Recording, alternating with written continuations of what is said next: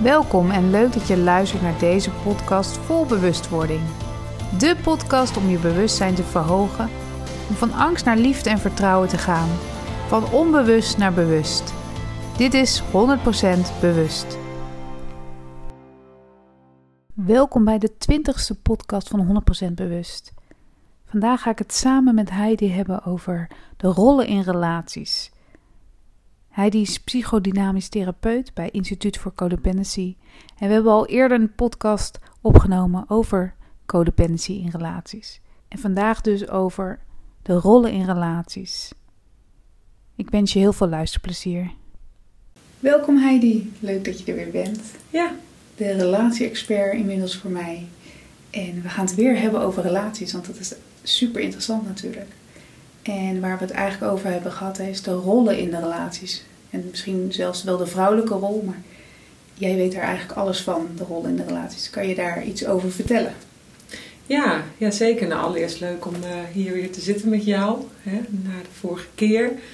Um, ja, en relaties en de rollen.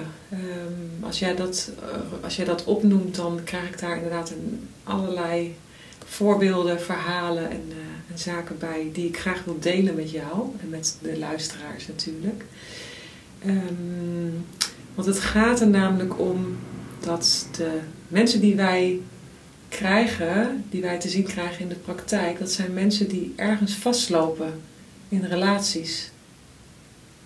En wat blijkt is dat wanneer we verder kijken naar hoe die mensen zich, ze, hoe ze zich gedragen, wat ze denken, wat ze voelen, dan kom je er gaandeweg achter dat er zoveel soort van archetypes zijn, een soort van delen in iemands persoonlijkheid zijn, um, die een eigen verhaal hebben. En uh, zomaar onbewust worden die rollen, zoals die archetypes die ik dan zo meteen met jou ga bespreken, die worden, uh, ja, daar, die worden gewoon overgenomen. Daar identificeren we ons allemaal mee, zonder dat we het eigenlijk doorhebben. Ja. En dat veroorzaakt echt ongelooflijk veel leed, onbedoeld. Want we willen zo graag die fijne liefde. En we willen zo graag die gelijkwaardigheid in de relatie. En we willen niet de gevoelens van frustratie. We willen niet de eenzaamheid voelen en het onbegrip waar we tegenaan lopen bij onze partner of toekomstige partners. Dat is wat we niet willen, maar we doen het toch. We voelen het toch. Nou, dat komt in mij op als jij, het hebt, als jij iets zegt over rollen. Dat is super interessant, ook heel herkenbaar. En zeker dat leed. En dat is ook wat ik op mijn bank vaak heb. Hè, dat er zoveel pijn is. Maar wat ik ook merk is dat de pijn is ook vaak in het liefde ontvangen. Misschien ga ik nu een beetje verder weg van de rollen af. Maar dat, dat we eigenlijk het moeilijk vinden ook om het uh, te ontvangen. Herken je dat ook? Um, ja, je zegt van ik ga ervan weg, maar eigenlijk vind ik dit een heel prachtig voorbeeld wat juist te maken heeft met een rol. Omdat uh, we willen, uh, jij zei je willen van de pijn weg. Ja, de meesten willen van de pijn af. Ja, precies. En, maar om van de pijn af te willen moet je eerst de pijn gaan ervaren. En daar zit vaak al meteen een soort van uh, daar heb je het weer. Hè? Dus je voelt iets en je denkt daarover na, je gedraagt je. En die pijn, die willen we niet voelen, dus we gaan ervan weg. Dus dan kan het zelfs een soort van, ja, het kan razendsnel in een soort van andere rol zijn. Het is een beetje lastig uit te leggen. Maar als ik jou goed begrijp, is het, um, omdat we pijn voelen, schieten we in een rol. En dat doen we vaak razendsnel. Dus we gaan weg van de pijn. En dat is heel menselijk en dat is ook wat we vaak in de kindertijd als een soort van automatisme, een soort van, uh, ja, we hebben dat onszelf aangeleerd. Want pijn daar is niet te dragen voor een klein kind.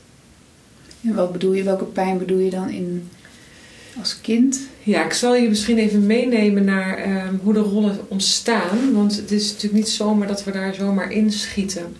Um, vanuit mijn vak, vanuit mijn expertise, de mensen die bij mij komen lopen vast in relaties. En uh, de werkelijke oorzaak is te vinden in de kindertijd. En vanuit de kindertijd gaan we kijken naar de hechting. Dus hoe is een kind gehecht? Wat is daar gebeurd in het gezin? Wat ervoor zorgt dat een kind reageert op bepaalde prikkels. dus stel dat mama bijvoorbeeld emotioneel niet beschikbaar is, een voorbeeld, dan kan een kind zich enorm verlaten of eenzaam voelen en niet gezien en gehoord. Nou, vanuit die pijn, die voor een kind heel lastig is om te dragen, kan een kind al een rol gaan aannemen, daar al. Dus daar begint, dus daar initieert het kind de rol. En dat kan bijvoorbeeld zijn, en daar ga ik zo meteen nog eh, over hebben, maar een rol van uh, de moeder van de moeder. Dus we gaan voor mama zorgen, want dat is veilig. Dus daar komen we al meteen op een uh, veel voorkomende valkuil in relaties. Ja, dat is wel inderdaad herkenbaar. Wat ik vaak zie, inderdaad, dat rollen worden omgedraaid. Hè? Inderdaad, je wordt of een soort van partner of de moeder inderdaad van je moeder. Eh, om maar die pijn niet te voelen. Of in ieder geval ook de angst, dat is wat ik dan herken. En ik wil mijn moeder niet verliezen, ze kan het niet aan. Dus moet ik voor haar gaan zorgen. Exact, exact. Dit is in feite, hier kom je ook met, op de medeafhankelijkheid uit. Een kind in de basis is liefde. Dus eigenlijk zou een kind geleerd moeten worden dat het niks hoeft te doen om liefde te ontvangen of om liefde te geven. Maar vanuit een onveilige situatie, bijvoorbeeld mama is er niet of papa heeft een uh, alcoholverslaving of we hebben te maken met andere soorten misbruik, seksueel misbruik, mentaal geweld, fysiek geweld, dan zal een kind vanuit een pijn, vanuit een onveiligheid een rol aannemen. En die rol die wordt zo eigen en zo vertrouwd dat als je dat niet gaat doorzien en je gaat de pijn eronder niet als het ware alsnog doorvoelen, dan gaat die rol het leven beheersen. En voornamelijk in relaties komt datgene weer naar boven wanneer er in de relatie nu dezelfde onveiligheid wordt gevoeld. En dat is dan, dat noemen we de zogenoemde trigger. En misschien dat we daar nog op terugkomen zo. Ja. Dus in feite herhalen we onze manier om weg te gaan van pijn, herhalen we in onze relaties van nu. En dat doen we door diverse rollen aan te nemen. Ja, en die rollen worden ook wel vertrouwd. En ik denk ook dat het heel onbewust gaat. Hè? We hebben eigenlijk niet door dat we zo'n rol aannemen. Nee, nee, dat is inderdaad waar. Dat is uh, de Veelal gebeurt dit op onbewust niveau.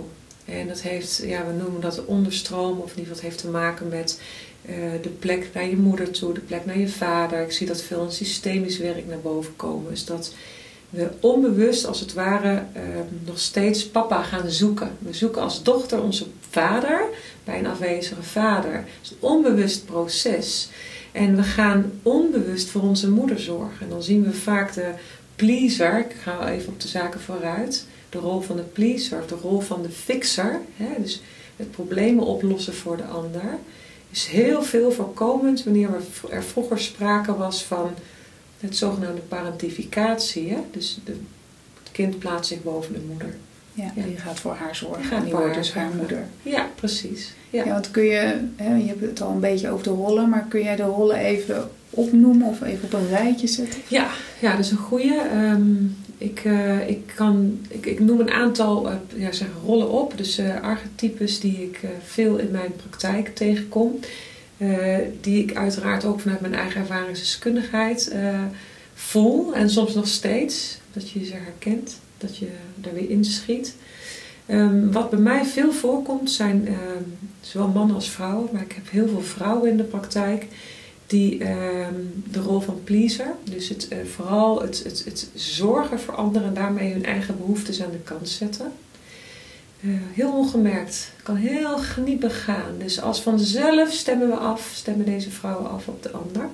Dus ook het, dus het echte afstemming op de behoeftes, dus de please-rol.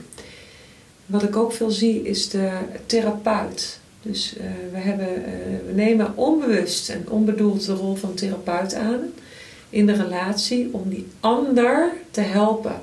Om ervoor te zorgen dat de man of de vrouw, de partner, als die maar zijn problemen of haar problemen gaat doorzien en wij kunnen hem of haar daarbij helpen, dan hebben wij die fijne relatie. Dus we worden als het ware de therapeut van de partner. Dat is ongelooflijk destructief.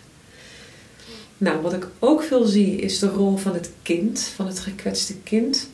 En dat is misschien wel de meest veel voorkomende die ik ook zo zie switchen als ik partners in de praktijk heb, want die zie ik ook. Dan zie ik het eigenlijk voor mijn neus gebeuren dat een man of een vrouw of twee vrouwen, twee mannen, ehm, dat die als het ware de rol, de ene gaat zich boven de ander plaatsen, die wordt de rol van de ouder. En wat is dan de, de partners, zijn of haar rol, is de rol van het kind. En dat gaat ook razendsnel dat het ook kan switchen. Dus in één keer zit die ander in zijn kindstuk en dan zit de ander in de ouder. En dat is ehm, vanuit de, uh, ja, de leer waar, waar, waar ik in geloof, of de transactionele analyse. We zien dat heel veel in, zeg maar, dat terugkomen in de relaties, waarbij we dus die ouder-kind stukken weer terugzien. Nou, en dan is het de kunst, hoe kun je dan je weer naar een volwassene, gelijkwaardige positie begeven vanuit die rol. Kun je daar een voorbeeld van geven hoe dat eruit ziet van, hè, als je ziet bij, hè, ik heb een relatie, wanneer weet ik dat ik in het kindstuk zit en wanneer weet je alsof je een ouder, heb je daar een voorbeeld van? Ja, het voorbeeld kan ik geven. Het is ook iets wat je moet voelen. Um, wat ik misschien wel even ook voor de luisteraars kan best, hoe ik het beste kan vormgeven, is dat ik zie dat de een of de andere partner zich bijna letterlijk groter maakt. Dus wat je krijgt is een soort van vingertje. Van, eh, vaak zie je dat vrouwen doen bij hun man, die dan als het ware, en, eh, dit, of eh, je hebt je kleren weer niet opgeruimd, of eh, eh, pak je nou dit en dit eens aan. Dan gaat de vrouw ongemerkt, zullen heel veel mensen natuurlijk herkennen, want dit gebeurt heel veel die gaan uh, zich groter maken, het vingertje, het moederlijke vingertje wijzen, waarbij de man in de veilige positie van kind komt. En um, wat je daarmee ook ziet, dat is een volgende stap, is dat als het ware de vrouw de verantwoordelijkheid wegneemt bij de man. In dit geval, in dit voorbeeld. Dus als jij in een ouderrol zit en jij gaat je, de man daarin als vrouw zijnde pushen en je gaat hem de les lezen dan komt vaak die partner automatisch in een soort van machteloos kindstuk, waarbij die ook geen verantwoordelijkheid neemt. En zo blijft dat een soort van verstrikking waar je als partners in blijft hangen. En heb je hiernaast nog meer rollen die je tegenkomt? Wat ik, uh, wat ik zelf weet, maar wat ik nog niet veel ervaar in de praktijk, maar dat kan ook te maken hebben met uh, het type vrouwen wat ik aantrek in de praktijk, is dat ik veel ook hoor dat de, de rol van verleidster, wat voor vrouwen een, een type is, um, die wordt ingezet om ook iets te halen. Hè? Want rollen, misschien goed om even te vermelden, vanuit een rol is er iets te halen. Je wilt iets creëren. Hè? Is vanuit de kindertijd. Dus als een kind in die positie ging, dan werd er een soort van, dan kreeg het kind liefde of aandacht of zorg terug. Dus een rol is altijd iets om iets te bereiken bij de ander, onbedoeld en onbewust. Dus de verleidster is een, misschien dat veel vrouwen dat ook herkennen, een veel gebruikte of een, een onbewust gebruikte rol om de man daar te krijgen waar de vrouw het wil, voor die liefde, voor die erkenning en voor die eigenlijk aandacht. Dus eigenlijk wordt via de rol een onvervulde behoefte, want dat is het, geprojecteerd op de ander. Dus de leegte in iemand die de rol vervult, wordt eigenlijk, de claim wordt bij de ander neergelegd. Ja, het is ook eigenlijk de verantwoordelijkheid bij de ander neerleggen, toch? Want je wil, je wil iets hebben van de ander, namelijk vaak liefde. En die krijg je niet op de manier waarop je het misschien wil. Of hè, je tekort in je lijf. Tenminste, zo, zo ervaar ik dat een beetje. Dus ga je inderdaad allerlei rollen aannemen om maar te krijgen waar je behoefte aan hebt. Aan aan dat tekort wat je in de vroegere, in je jeugd misschien tekort kwam, wil je maar gaan halen. Dat is een beetje wat je zegt. Ja, ja ik hoor jou, ik snap wat je, hoe jij het bedoelt, want je zegt inderdaad, het is een tekort, zeker. En tegelijkertijd hoor ik je zeggen, het is de verantwoordelijkheid ehm, geven. Het is ergens, je legt eigenlijk waar de claim bij de ander. Want je wilt dat die ander jou in iets vervult wat jij niet hebt. En dat is die kinderlijke illusie van je gaat hard werken om iets te halen wat er niet is. Tegelijkertijd geloof ik dat de verantwoordelijkheid bij het, bijvoorbeeld de, de therapeut, de rol van therapeut, is juist dat je de verantwoordelijkheid overneemt.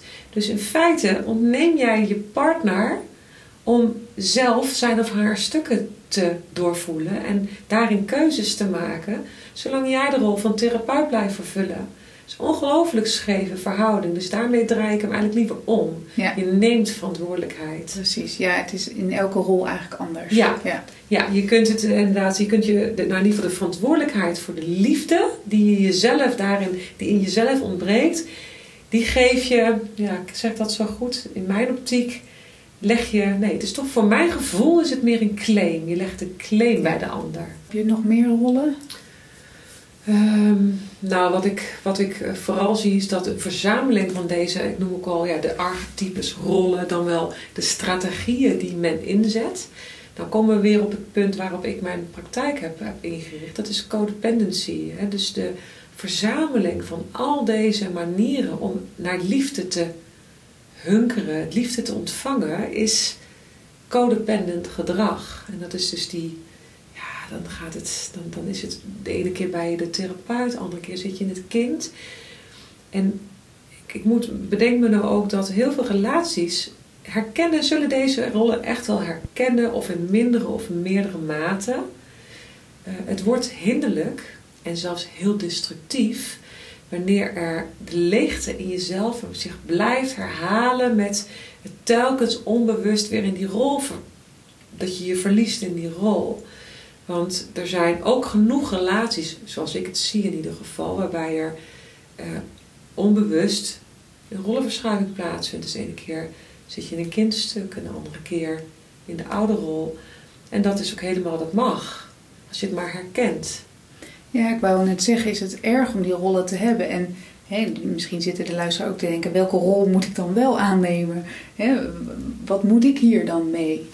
Dat is een hele goeie. Dat is mooi dat je dat ook zo vraagt. Want ehm, je zegt dan ook, welke, rollen moet ik, welke rol moet ik dan aannemen? En ik krijg dan meteen de vraag, wie ben ik dan? Wie ben ik?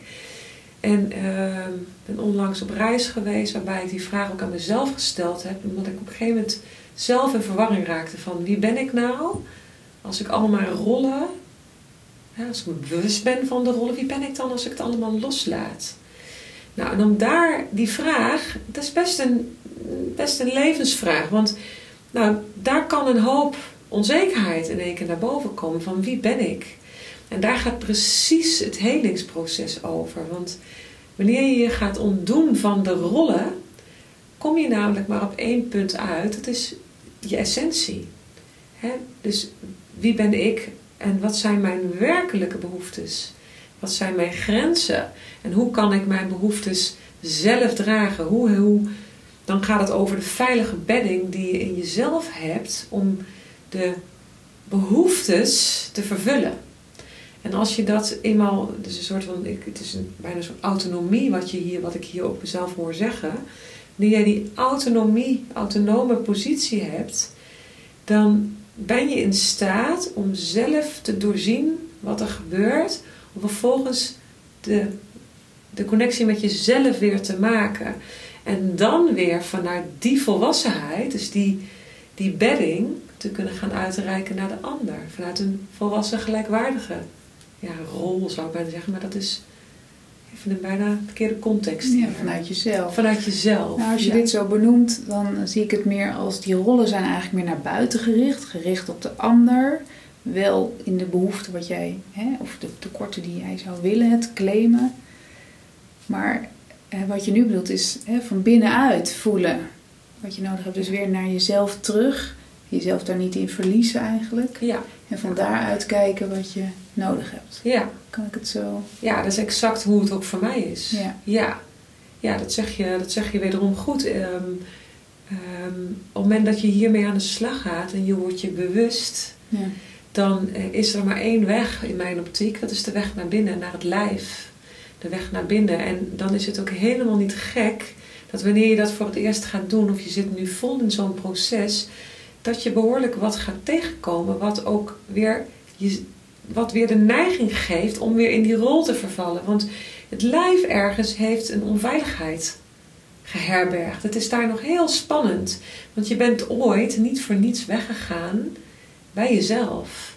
Dus um, wat ik in mijn praktijk ook veel zie, je zult dat ook in jouw professie denk ik wel herkennen, is dat um, veel mensen schrikken dus dat er ook een angst zit in het weer terugkomen bij jezelf. Dan kom je op de leegte. En dan kom je op de eenzaamheid en op de verlating.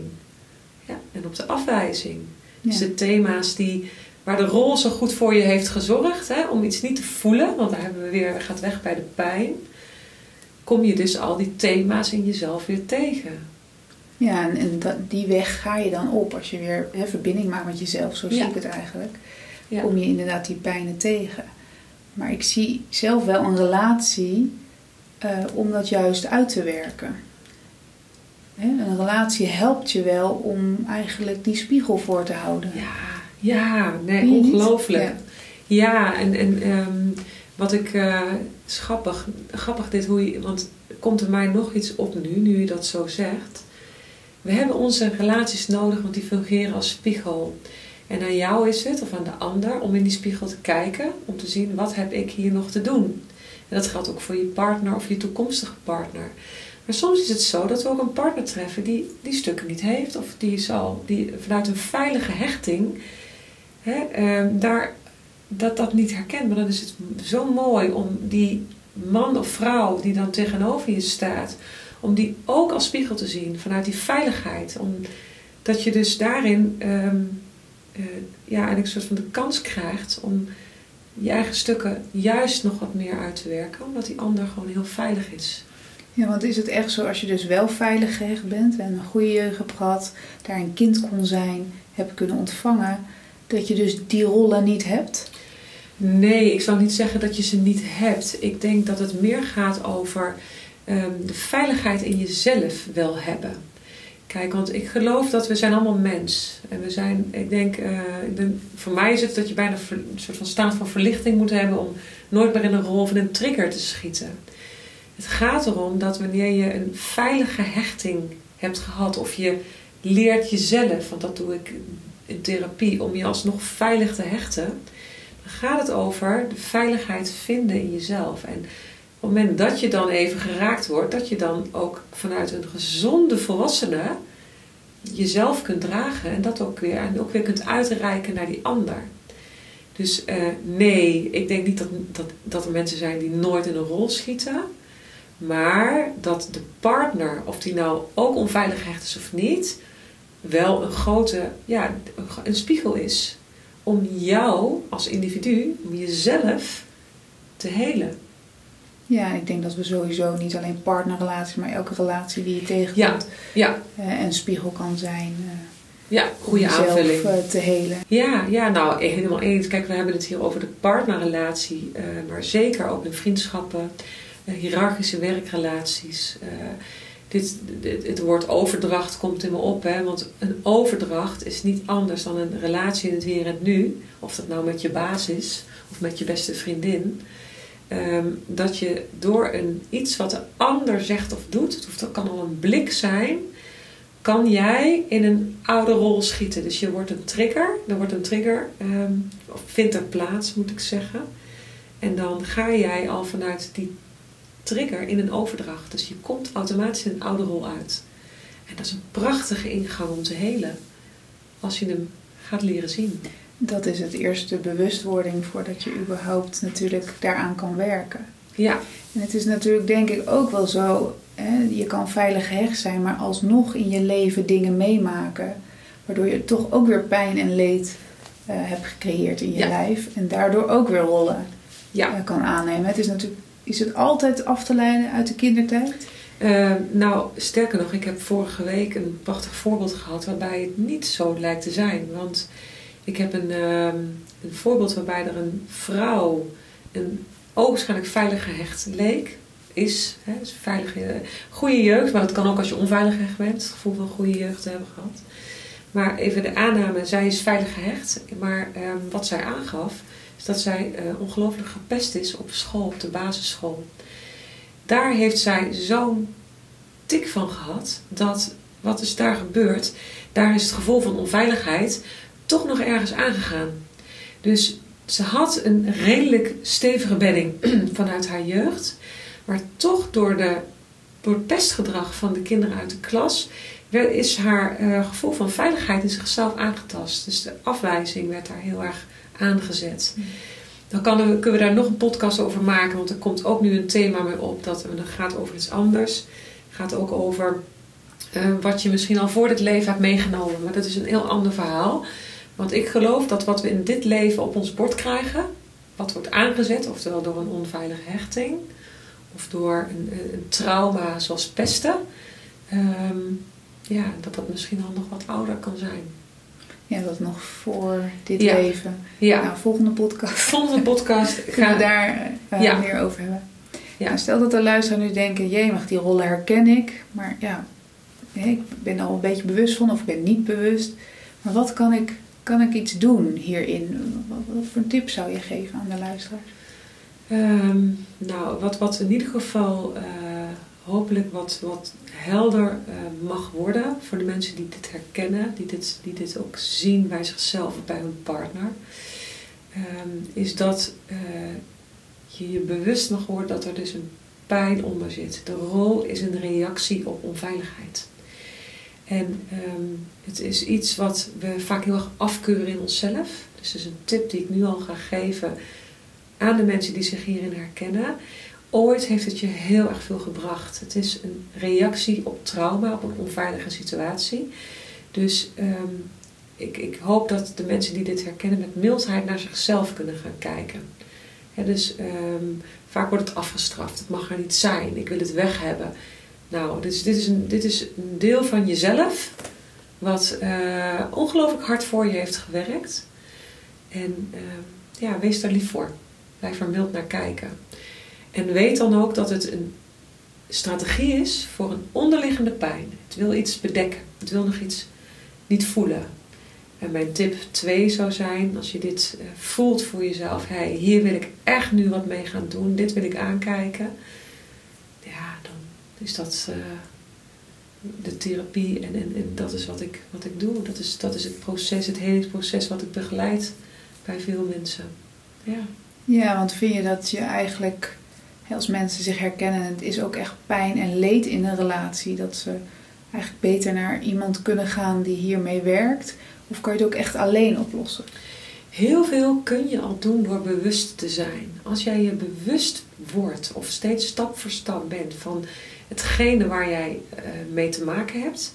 Stel nou, jij komt keer op keer in een destructieve relatie uit. Je trekt keer op keer die onbereikbare man of vrouw aan. Dat je bijna gaat denken, wat is er mis met mij? Dan is de uitnodiging vanaf nu, oké, er is niks mis, maar word je bewust van hetgeen van je gedrag, van je gevoelens. De meeste mensen hebben hier wel begeleiding bij nodig, omdat wat ik merk vooral zijn de vrouwen die bij mij komen, die weten al zo ongelooflijk veel, die zijn zich al zo bewust, maar die zeggen dan, het is net of dat ik dat laatste stukje naar het voelen, naar het echt loslaten van de onderliggende pijn, daar komen ze zelf niet bij. Ja, en daar is dan echt die, eh, ja, die begeleiding eh, heel zinvol voor. Ja. Om dat laatste stukje ook te kunnen maken. ja, en dan kom je eigenlijk weer hè, in je ware essentie bij jezelf. Ja. En van daaruit mag je dan gaan kijken, oké, wat heb ik nodig? Welke behoeftes? En kom je in de liefde de juiste partner tegen? Of kun je ook als je een partner hebt en waar het niet zo lekker mee loopt, kun je daar dan nog wel dingen in helen? Of heeft de partner daar ook iets in te doen? Goeie vraag. Eh, ik geloof dat waar twee mensen zijn, ieder een eigen verantwoordelijkheid heeft. Dus 50% verantwoordelijkheid. Dus de een is verantwoordelijk voor het proces van zichzelf, zo ook de ander. En ehm, voor de mensen die in een relatie zitten waarbij de een wel aan zichzelf werkt en de ander niet in staat is of het niet wil, dan is dat een heel moeizaam iets. En dan is het, ja, dan kan de uitkomst zijn dat je dit individueel verder mag gaan voortzetten. En, eh, of, en de ander zijn of haar proces laat gaan, laat doen, zelf laat doen. En daar is moed voor nodig. Daar, want daar wordt ook weer de veilige, onveiligheid getriggerd. Hè? Dus ik begeleid ook veel mensen daar, ook in dat stuk, om daar eh, meer bedding in te krijgen. Om daar ja, de kracht weer te vinden. Ja, maar is het, kan het ook niet zo zijn dat jij wel inderdaad groeit en nou ja, meer tot jezelf komt en je partner niet, maar dat je je partner wel accepteert en daar toch een weg in kan vinden? Zie je dat toch ook wel in Ja, je praktijk? Ja, absoluut. Kijk, het, is, ehm, het heeft een, een tweedeling. Kijk, daar, heel lastig en het is misschien moeilijk om dat ook in deze podcast helemaal uit te leggen. Maar je hebt, ehm, dit is de rol van de therapeut. Die komt nou ook weer heel sterk. De rol van de therapeut wil namelijk de partner helpen. Die wil dat die partner groeit. Waardoor die partner omhoog groeit net zoals jij, waardoor die relatie weer voor jouw gevoel gelijkwaardig wordt. Hier zit de uitdaging om te gaan leren, te gaan oefenen in acceptatie. Want het is geen lineair proces. Je partner of je toekomstige partner heeft zijn of haar stukken zelf te doen. En wanneer je de acceptatie gaat opzoeken en je gaat loslaten wat die partner heeft te doen, dan kan er ook ruimte voor die partner komen om te groeien. En daar ligt wel de verantwoordelijkheid. He, dus op het moment dat een partner daar die verantwoordelijkheid op neemt, dan is die relatie ongelooflijk een mooie. Ja, dan kan daar ongelooflijk veel gebeuren. En het is een, dan, dan kan een daar, groeiproces. Dan is dat een groeiproces van twee mensen die dat samen doen. Ehm, de valkuil zit er nog in. Als je dus die acceptatie hebt bereikt en je hebt je partner daarin losgelaten. Maar die partner gaat stelselmatig over jouw grenzen. Bijvoorbeeld door geen verantwoordelijkheid te nemen. Of door juist veel verantwoordelijkheid van jou weg te nemen door over je grenzen te gaan.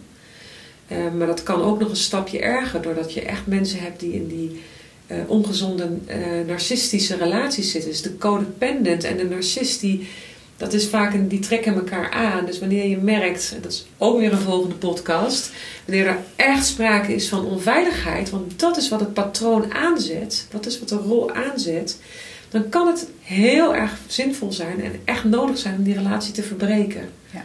Maar dat is weer een ander, ander thema, daar wijd ik denk nou ook niet te veel over uit. Doen we, nog, we hebben nog een paar podcasts op de lijst staan, dus dat is mooi. Ja, ja. Maar dan heb je het inderdaad over een heel ander soort relatie, want daar is het heel erg uh, uh, emotioneel beschadigend eigenlijk. Dus dat is weer een heel ander, misschien een ander iets. Ja, dit heeft te maken met grenzen. Ja. uh, onveiligheid is even nog een, een, samenvatting van het, wat, wat we hier bespreken. Rollen ontstaan wanneer er een veiligheid, onveiligheid getriggerd wordt. Dus wanneer jij als vrouw in onze rol schieten, dan is er dus iets wat heel onveilig is voor het innerlijke kleine meisje in ons. Die voelt zich onveilig, die trekt zich terug, of die gaat vechten, of die gaat verstijven. Dus de kunst is om dan heel goed te kijken: is die veiligheid, is die onveiligheid, is die terecht? Want soms kan het dus zijn, en in veel gevallen, in veel erg destructieve relaties is dat zo, dat dit een belangrijk signaal is waar je naar mag luisteren. Het kind voelt zich onveilig. En als dat echt zo is, omdat de partner je mishandelt, fysiek, mentaal, emotioneel, wanneer er sprake is van narcistisch misbruik, dan is dat een directe rode vlag om de relatie zo snel mogelijk te verbreken. Maar daar, daar wat ik al zei, hè, wat we, waar we het eens zijn, dat is een ander thema. Ja. Maar in de meeste gevallen die ik tref, is het een irreële angst. Dus er is een onveiligheid in de relatie. Die wordt gedetecteerd. De vrouw of de man in kwestie schiet in de rol. Terwijl de onveiligheid er niet meer is. Dat is dus de oude onveiligheid. En dan is het, het, het, het werk wat je dan mag gaan doen, is dat je gaat leren hoe je jezelf weer veilig kunt wanen. Precies. Ja, veiligheid, vertrouwen in jezelf. En dan kom je op die essentie uit. Ja. En vanuit die essentie heb je duidelijke grenzen, sta je weer op je plek, kun je je liefdevol weer verbinden met de ander. Vanuit jouw kern. Precies. Ja. ja. ik noem dat altijd uh, dan de haarrelatie. En wat ik ook nog aan dacht is, uh, en wat misschien ook wel goed is om te weten, is wat ik in de energie voel, is dat de vrouw altijd voorop loopt en de man ja, die is wat trager, zeg maar, in de energie. Dus hè, net zoals in de natuur, de merrie loopt voorop en de hengst erachter. En de merrie roept de hengst als er gevaar dreigt. En dan gaat de hengst eh, zijn werk doen. Ja, misschien een raar voorbeeld. Maar het is vaak toch, de vrouw is altijd even net een stapje voor. En de man die uh, gaat erachteraan. Herken je dat ook? In de energie? Uh, ja, ja. En um, wat ik zo mooi vind, ook weer een voorbeeld wat jij, wat jij hier noemt, is dat dit op, bij mij op andere thema's ook weer aangaat.